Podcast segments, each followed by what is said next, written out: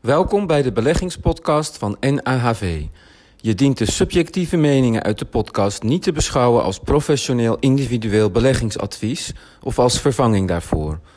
De informatie is uitdrukkelijk niet bedoeld als advies tot het kopen of verkopen van bepaalde effecten of effectenproducten.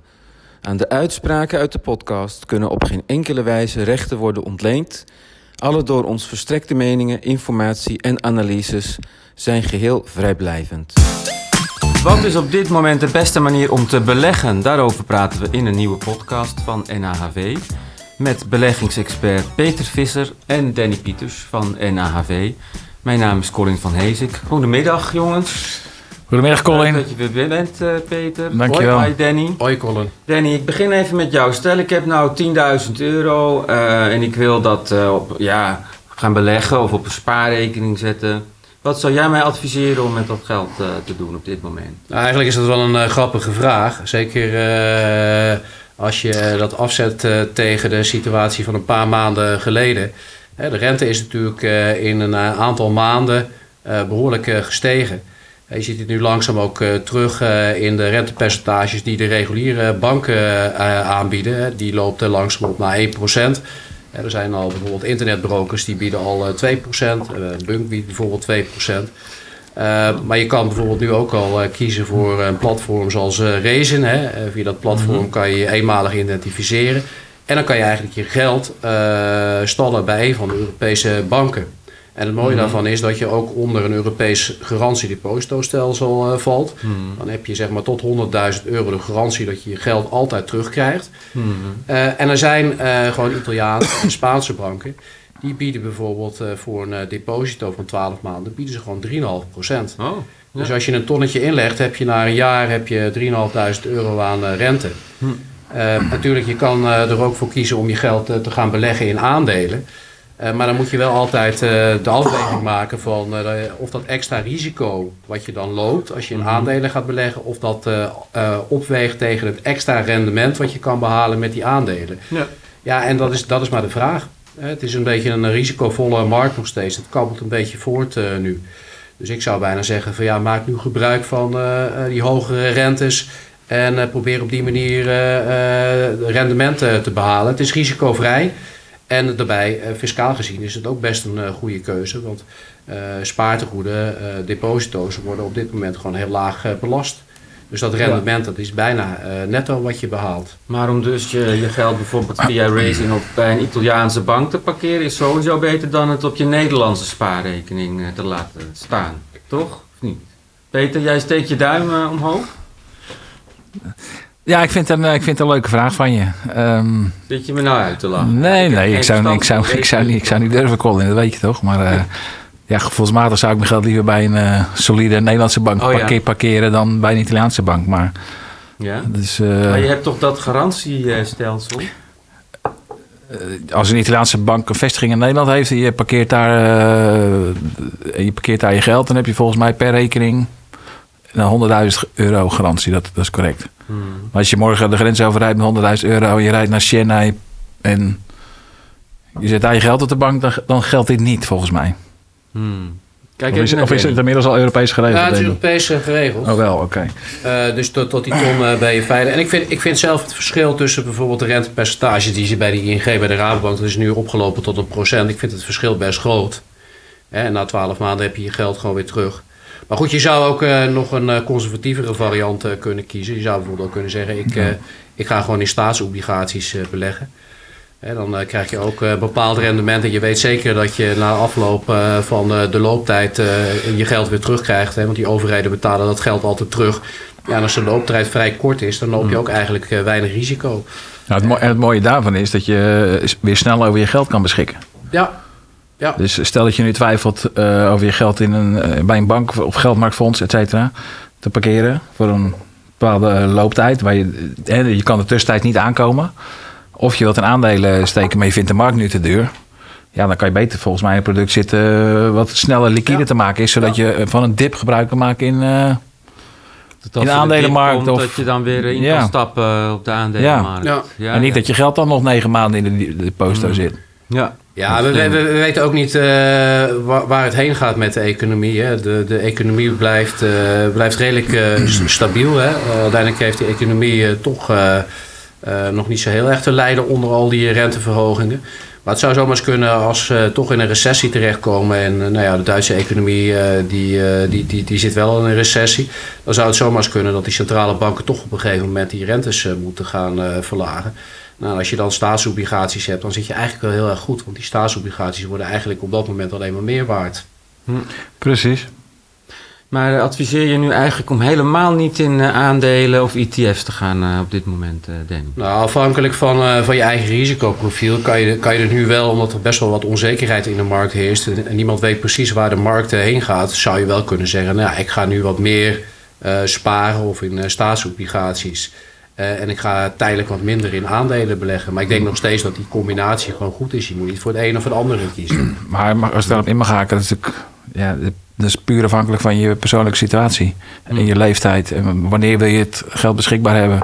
Mm. Voor hoe lang kan jij beleggen? Mm. Ik bedoel, als je horizon langer is dan 10 jaar en je kan het missen, dan zou ik niemand adviseren om een deposito te nemen. Dan gewoon lekker aandelen kopen. Ja. Die, die keren ook dividend uit. Want uiteindelijk gaat de beurs altijd omhoog, toch? Uh, als je naar het verleden, naar geen enkele garantie, maar als je naar de laatste 100 jaar kijkt, klopt dat ja. ja. Afgezien van enkele periodes, maar. Ja. ja waarom, zou, waarom zou dat nu anders zijn? Nou, dus zolang bedrijven gewoon uh, winst maken en gewoon als je investeert in kwaliteitsaandelen, ja, ja. niks aan de hand. Ja. Ja, geleden hadden we het nog over uh, uh, bedrijven die uh, heel veel dividend uitkeren. Maar goed, als je het gemiddelde dividendpercentage neemt en je zet dat af tegen de huidige rentes op uh, obligaties, maar ook als je dat afzet tegen rentes uh, op deposito's. Ja, dan kom je langzaam tot de conclusie dat als je weinig risico wil lopen, dat je beter je geld in staatsobligaties of deposito's kan steken. Hm. Nou, je hebt maar dat, dat, dat, dat, met ETF's ook heel weinig risico loopt. Nee, maar, maar wat Danny zegt, daar heeft hij helemaal gelijk in. Maar dan, dat, dat klinkt in mijn oren als de situatie van iemand die uh, schaapjes op het droog heeft en die het niet kwijt wil raken. Snap je? Maar eh, als jij uh, over, over 20 jaar een mooi kapitaal bij elkaar wil hebben, ja, dan stay away from deposits, zou ik zeggen. Beleg, beleg dan in aandelen of wat jij bedoelt in ETF's. Hm. Dat je de, zodat je een index volgt of een mandje aandelen of hm. misschien dividendaandelen. Die, die veel, mooie bedrijven die veel dividend uitkeren. Dat, dat, is een van mijn favorieten. Ja. Ja, hoe ziet jouw portefeuille er eigenlijk uit, Peter? Kun je daar wat over ehm, vertellen? is dat geheim? Nou, uh, de dividendaandelen inderdaad, ETF's. Hmm. En daarnaast uh, ja, ook wat uh, bedrijven die ik mooi vind. Ik zit, ASML zit ik wel redelijk in. Oh, ja. Dat vind ik echt een prachtig bedrijf. Ja, heel mooi, heel mooi track record. op dit moment? Dat denk ik wel. Dus het is altijd een goed moment om te kopen. Ja, want ik hoorde van ja, je moet Nvidia kopen, Amerikaanse ja. chipbakken. Want nou ja, van week. Uh, en uh, we staan nog maar aan het begin van de groei van de AI waarschijnlijk. Ja. Maar jij denkt misschien zelfs gewoon. nou ja, je, ziet, je zag van de week die, die koers van Nvidia inderdaad met 30% mm -hmm. omhoog knallen. Uh, niet zonder reden natuurlijk, want uh, zij profiteren enorm van die AI-hype. Of, ja. of, hype, uh, het is geen hype, maar... Nee, het is geen hype. hun, hun winst, kwartaalwinst was ook echt fantastisch. Dus het is begrijpelijk dat de beleggers het aantal hoog zetten. Ja. ASML reageerde daar gisteren en, en vandaag ook op. Mm -hmm. ik denk ook procent of 11 omhoog. Maar niet zo sterk dus als Nvidia. Terwijl uh, eh, ASML staat aan het begin van de keten van, van, van Semis. die maken de machines. Die maken de machines, die precies. Waarmee je Intel, waarmee je uh, TSMC, ja. waar al die semi-bedrijven, companies, die, die, die, die, chips mee maken. Ja. Dus jij zou adviseren om dat te kopen op dit moment? Ja. Oké, en heb Kijk, en de ASML is natuurlijk ook niet zonder risico, want mhm. mocht China, uh, sorry, uh, Taiwan uh, binnenvallen mhm. en TSMC nationaliseren, ja, dan heb je, heb je ook wel een probleem als je in ASML belegt. Maar ja, mhm. er zijn altijd risico's en zorgen. Er, er, is nooit een perfect moment om te beleggen. en als alle zorgen uit de wereld zijn, ja, dan, uh, dan hoef je de aandelen niet meer te kopen, want dan, dan zijn ze priced for perfection, snap je? Ja. Ja, dus daar, zit, daar, zit, daar zit wel een risico op dit moment. Nou, die koersen zijn best wel opgelopen van al die uh, uh, bedrijven die chips produceren. die hadden het vorig jaar natuurlijk nog heel erg zwaar, omdat we met z'n allen dachten dat we snel in recessie terecht zouden komen. En dat we met z'n allen in corona heel veel laptops en allerlei andere apparatuur hadden gekocht, terwijl we het eigenlijk niet nodig hadden. Maar ja, die koersen zijn aardig opgelopen. Hè. Als je Nvidia neemt, die, die koers is volgens mij meer dan 300% opgelopen sinds het begin van het jaar. Dus je moet wel een beetje voorzichtig zijn op dit moment. Nee, want mochten we toch, uh, uh, mocht de Amerikaanse economie in een recessie terechtkomen, dan denk ik dat die bedrijven het de eerste periode wel heel zwaar gaan krijgen. Nou, dat denk ik dus niet. Nee. Bovendien zijn al die semis, ja, die hebben enorm geprofiteerd van die lage rentestand. Dus hun toekomstige winsten werden tegen disconto van 0% ja, berekend. Dus de, vandaar dat ook die koersen mogen knallen. Ja, natuurlijk een recessies voor geen enkel sector denk ik goed. Maar uh, ja, ik denk niet dat AI stopt uh, als de Amerikaanse uh, groei afneemt. Dat denk ik niet. Oké okay, jongens, ik wil eventjes naar die ETF's, want daar hoor ik zoveel over de laatste tijd. En ik kan me voorstellen dat de luisteraars er ook benieuwd naar zijn. Danny, waar, wat betekent het ook alweer überhaupt, ETF? Exchange Traded Fund. Ja. En eigenlijk zijn dat, zijn dat mandjes met, met, met, met aandelen van verschillende bedrijven. En uh, met zo'n mandje aandelen kan je een bepaalde index volgen. Peter had het bijvoorbeeld over de S&P 500 in, in de Verenigde Staten. Maar je zou ook de AX kunnen volgen. Maar je kan ook een specifieke sector. je kan bijvoorbeeld zeggen, ik wil de AI-sector wil ik volgen. En dan zitten dan allemaal bedrijven in die, Kunstmatige zich, intelligentie. die zich daarop ja. richten. En het voordeel daarvan is dat je meteen belegt in heel veel verschillende bedrijven. Dus je spreidt heel erg. Dus je loopt mm. niet het risico als het, het ene bedrijf heel slecht gaat, dat je meteen heel veel geld uh, verliest. Mm. En zo'n ETF is ook heel gunstig, omdat je één ETF koopt. Je koopt dan aandelen in verschillende bedrijven. Je hoeft die aandelen niet individueel te kopen. Dus Mhm. daar staan dus ook veel minder kosten tegenover dan dat je die aandelen individueel zou uh, kopen. Ja. Ja, dus, dus uh, voor de passieve belegger, iemand die er niet dagelijks mee, be mee bezig wil zijn, is het eigenlijk een ideale manier uh, van uh, beleggen. Ja. je kiest een bepaalde richting en je koopt zo'n ETF. En je kan na verloop van tijd kan je nog wat extra ETF's in die sector kopen. En zo kan je dan heel simpel, door bijvoorbeeld in vier of vijf ETF's te beleggen, kan je je portefeuille vormgeven zonder dat je in heel veel verschillende bedrijven individueel moet beleggen. Ja. Dus voor een beginnende belegger is het eigenlijk wel een ideale manier van beleggen, of niet? Nou ja, niet alleen voor de beginnende belegger. Voor ik denk ook belegger. voor uh, ervaren belegger dat, Ja. het, uh, dat het heel goed, uh, goed werkt. Ja. Want uh, Colin, hoeveel, hoeveel ETF's staan Er er, zijn uit? da- 8000, meer Ja. dan 8000 ETF's momenteel. Dus dat Ja. ging ik ook vragen van, ja, oké, dan heb je besloten dat je ETF's wil kopen, maar eh, hoe bepaal je in godsnaam eh, welke dan? Ja, Nou ja, eh, ten eerste natuurlijk het thema waar je in wil beleggen. Je, je kan ook een ETF kopen die belegt in grondstoffen. Ja, Mhm. Olie, goud, zilver, you Mhm. name it. Eh, als je dat toevallig leuk vindt. En ten tweede, eh, ja, let op de kosten. Of groene aandelen. Of groen, eh, duurzaam. Ja, je- je kan het tweaken de, elke kant die op Ja. wil. Ja, ja. ja, je hebt ook gewoon ETF's die gewoon heel gespreid zitten uh, wereldwijd. Mhm. En daarmee spreid je natuurlijk het risico uh, heel erg. Hm. En dat heb je tegenwoordig ook uh, met ETF's bijvoorbeeld die een bepaalde index uh, vormen. Omdat die indexen in die verschillende landen uh, bestaan uit verschillende bedrijven. Dan loop je het risico dat, je hebt bijvoorbeeld in Frankrijk uh, de CAC 40. Uh, daar zitten allemaal bedrijven in die zich met name op luxe artikelen richten. Mm-hmm. Nou, die index heeft het best goed gedaan, hè, want die bedrijven zijn allemaal behoorlijk in waarde gestegen. Mm-hmm. Maar je loopt in zekere zin ook een risico.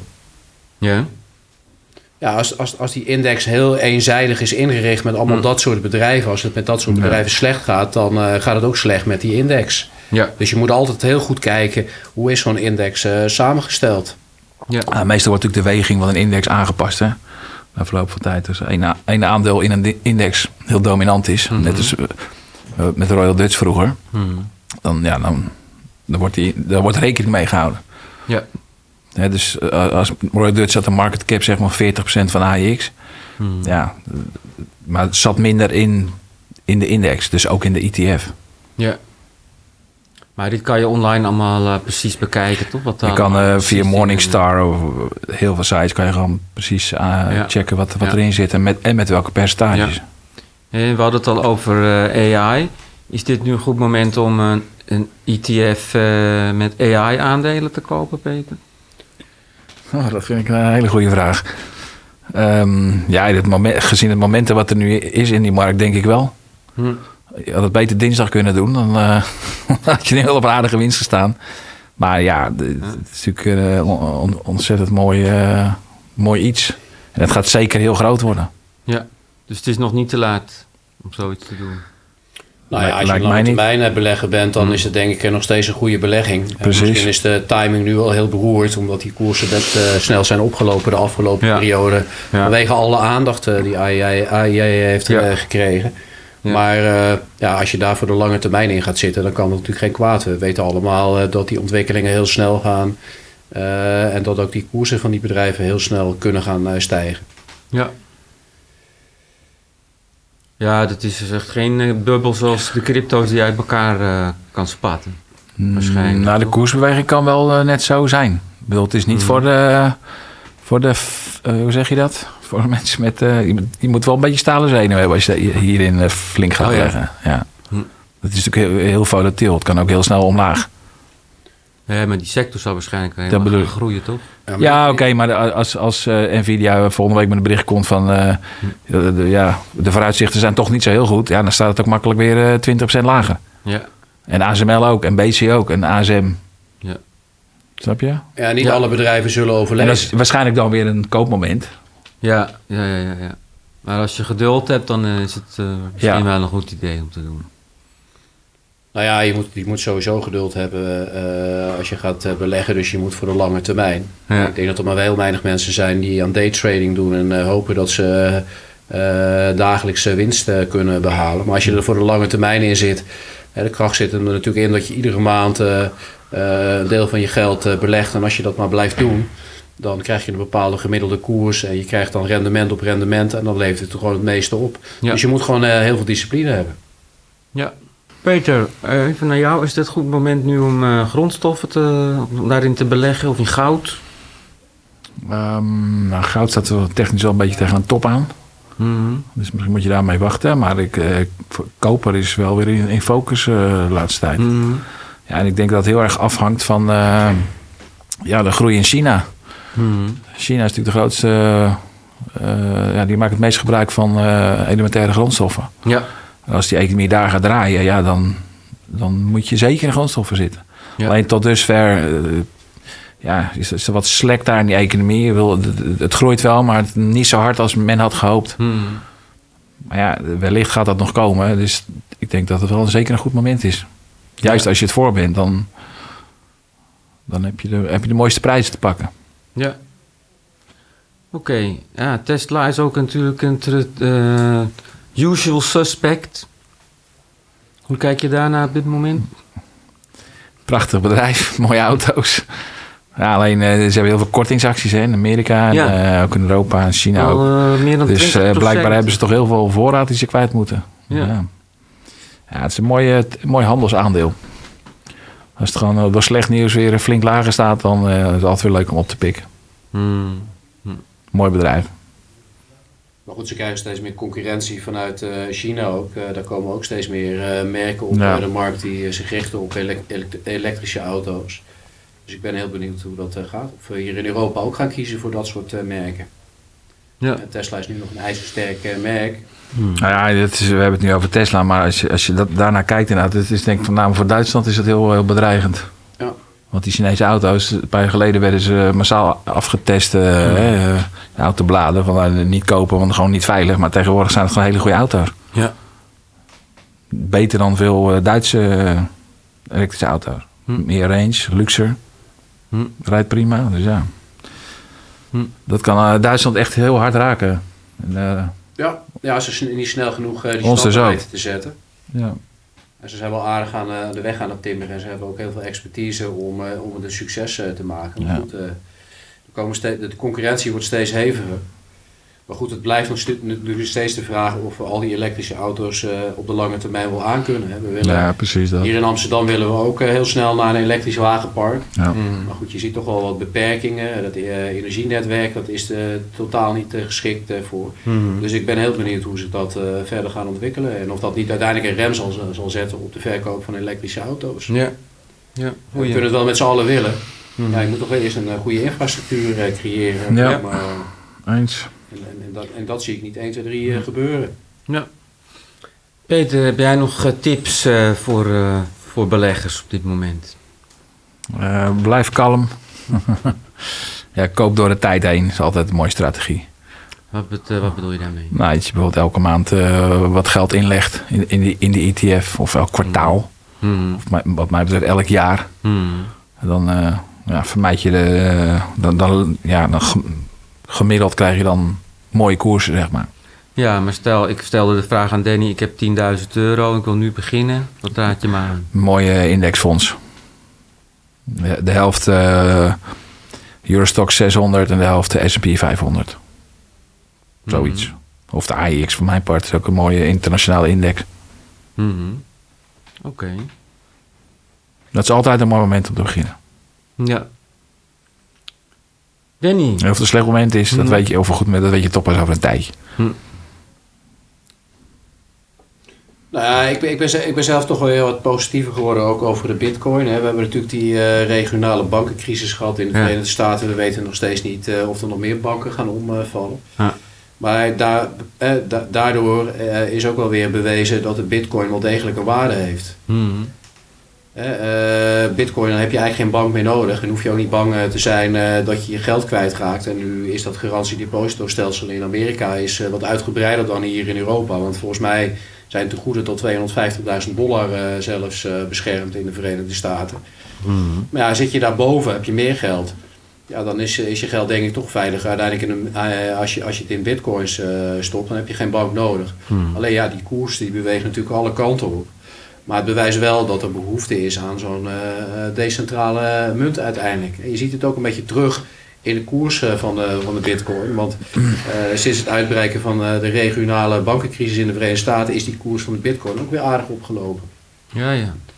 Maar je bedoelt nu puur bitcoin, niet crypto's in het algemeen. Nou, ik kijk nu alleen maar naar de, naar de, naar de bitcoin als betalingsmiddel. Kijk, als je gewoon ook kijkt tegenwoordig bij eh, de reguliere banken... zoals de Rabobank, de ING... Als jij Mhm. tegenwoordig een betaling doet van, eh, van je ene bankrekening naar de andere bankrekening, dan kost je gewoon al 12 cent. Nou, dat heb je niet bij, eh, bij de bitcoin. Hm. Eh, dus ik denk wel degelijk dat dat een goed alternatief zou zijn. En nu komen ook allerlei eh, centrale banken met een digitale munt. Alleen ja, vanwege privacy aspecten zullen mensen daar niet heel enthousiast over zijn.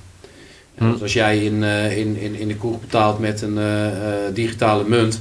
en op maandag staat iemand van de zorgverzekeraar bij je aan de deur omdat je te veel bier hebt gedronken. Ja. Ja, daar zit natuurlijk niemand op te wachten. Nee.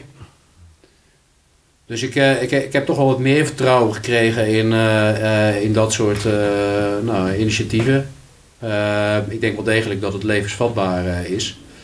Maar goed, ja, als je mij vraagt van ja, wat zou je nu als belegger moeten doen? Ik denk nog steeds dat je heel voorzichtig moet zijn. We hebben het gezien in januari, toen liepen de koersen heel erg hoog op. Ja. En toen eh, gaf ik volgens mij in een van de podcasts ook al aan van eh, misschien is nu wel het moment om voorzichtig te zijn.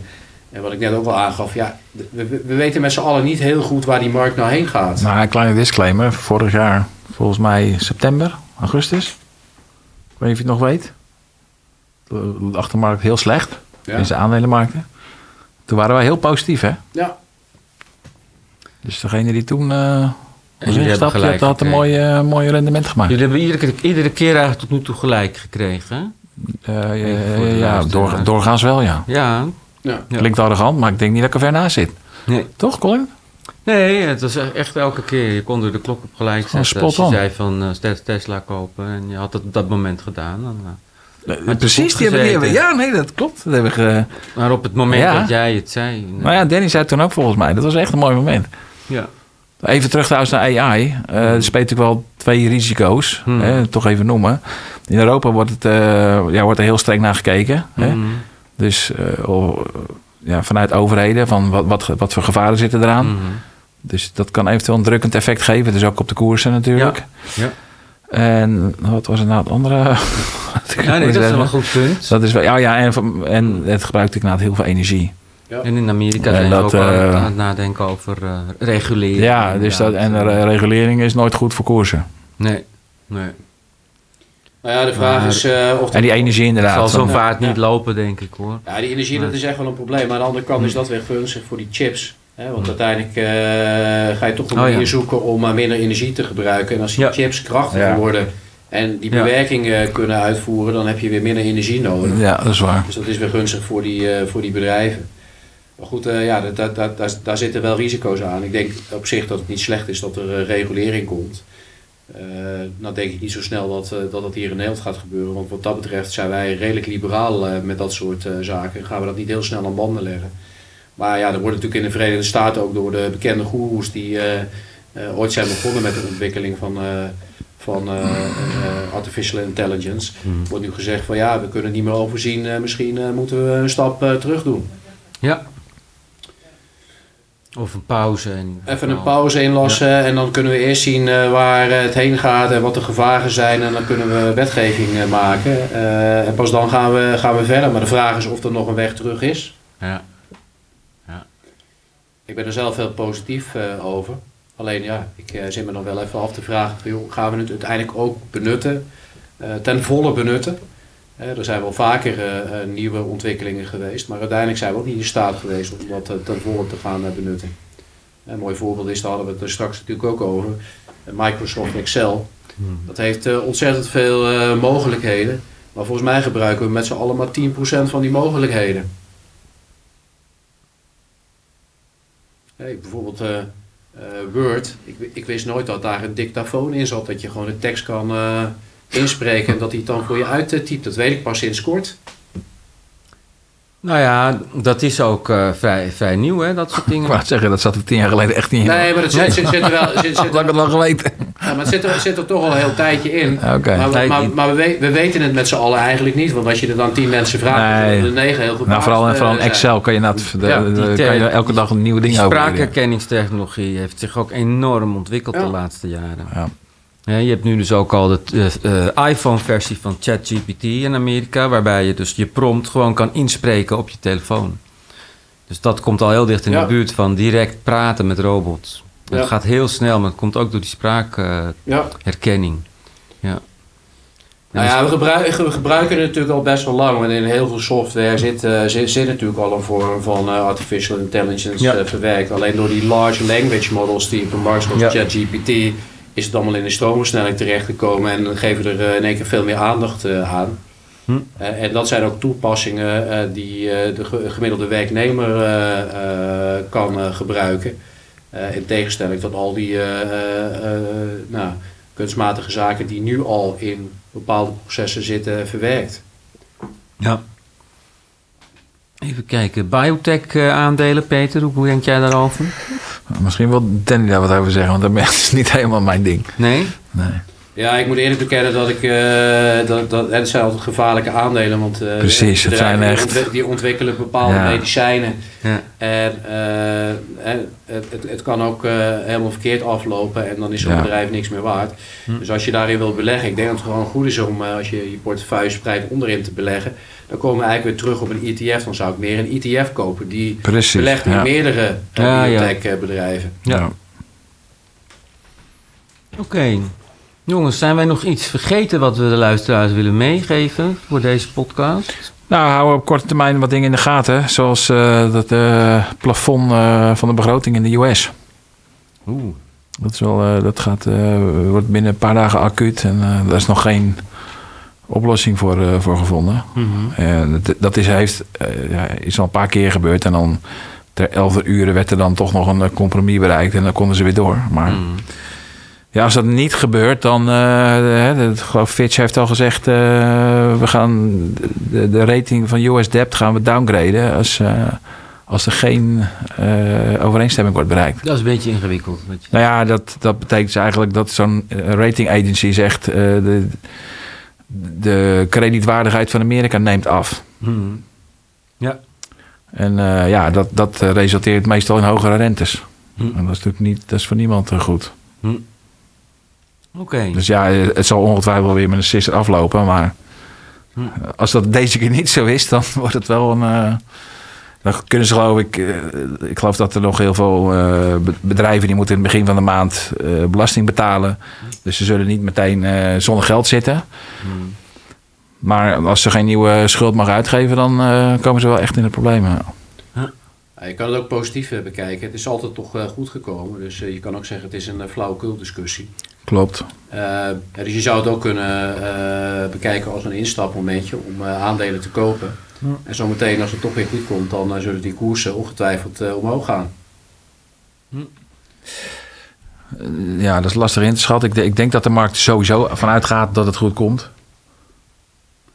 Nee, ik denk dat, dat, dat, wel dat, dat, dat ja, is. Omdat het altijd al, het, het heeft al een paar keer opgespeeld en het is altijd weer goed gekomen. Dus ja, beleggers raken daar niet van in paniek. Maar als het uh, onverhoopt niet goed gaat, ja, dan dat is even uh, iets onverwachts. En daar gaan beleggers wel op reageren. Dan gaat de beurs niet omhoog, kan ik je vertellen. Nee. Maar dat is, uh, oké, dat is dan misschien weer een mooi koopmoment. Ja. Alhoewel, ja, een lagere rating voor de US.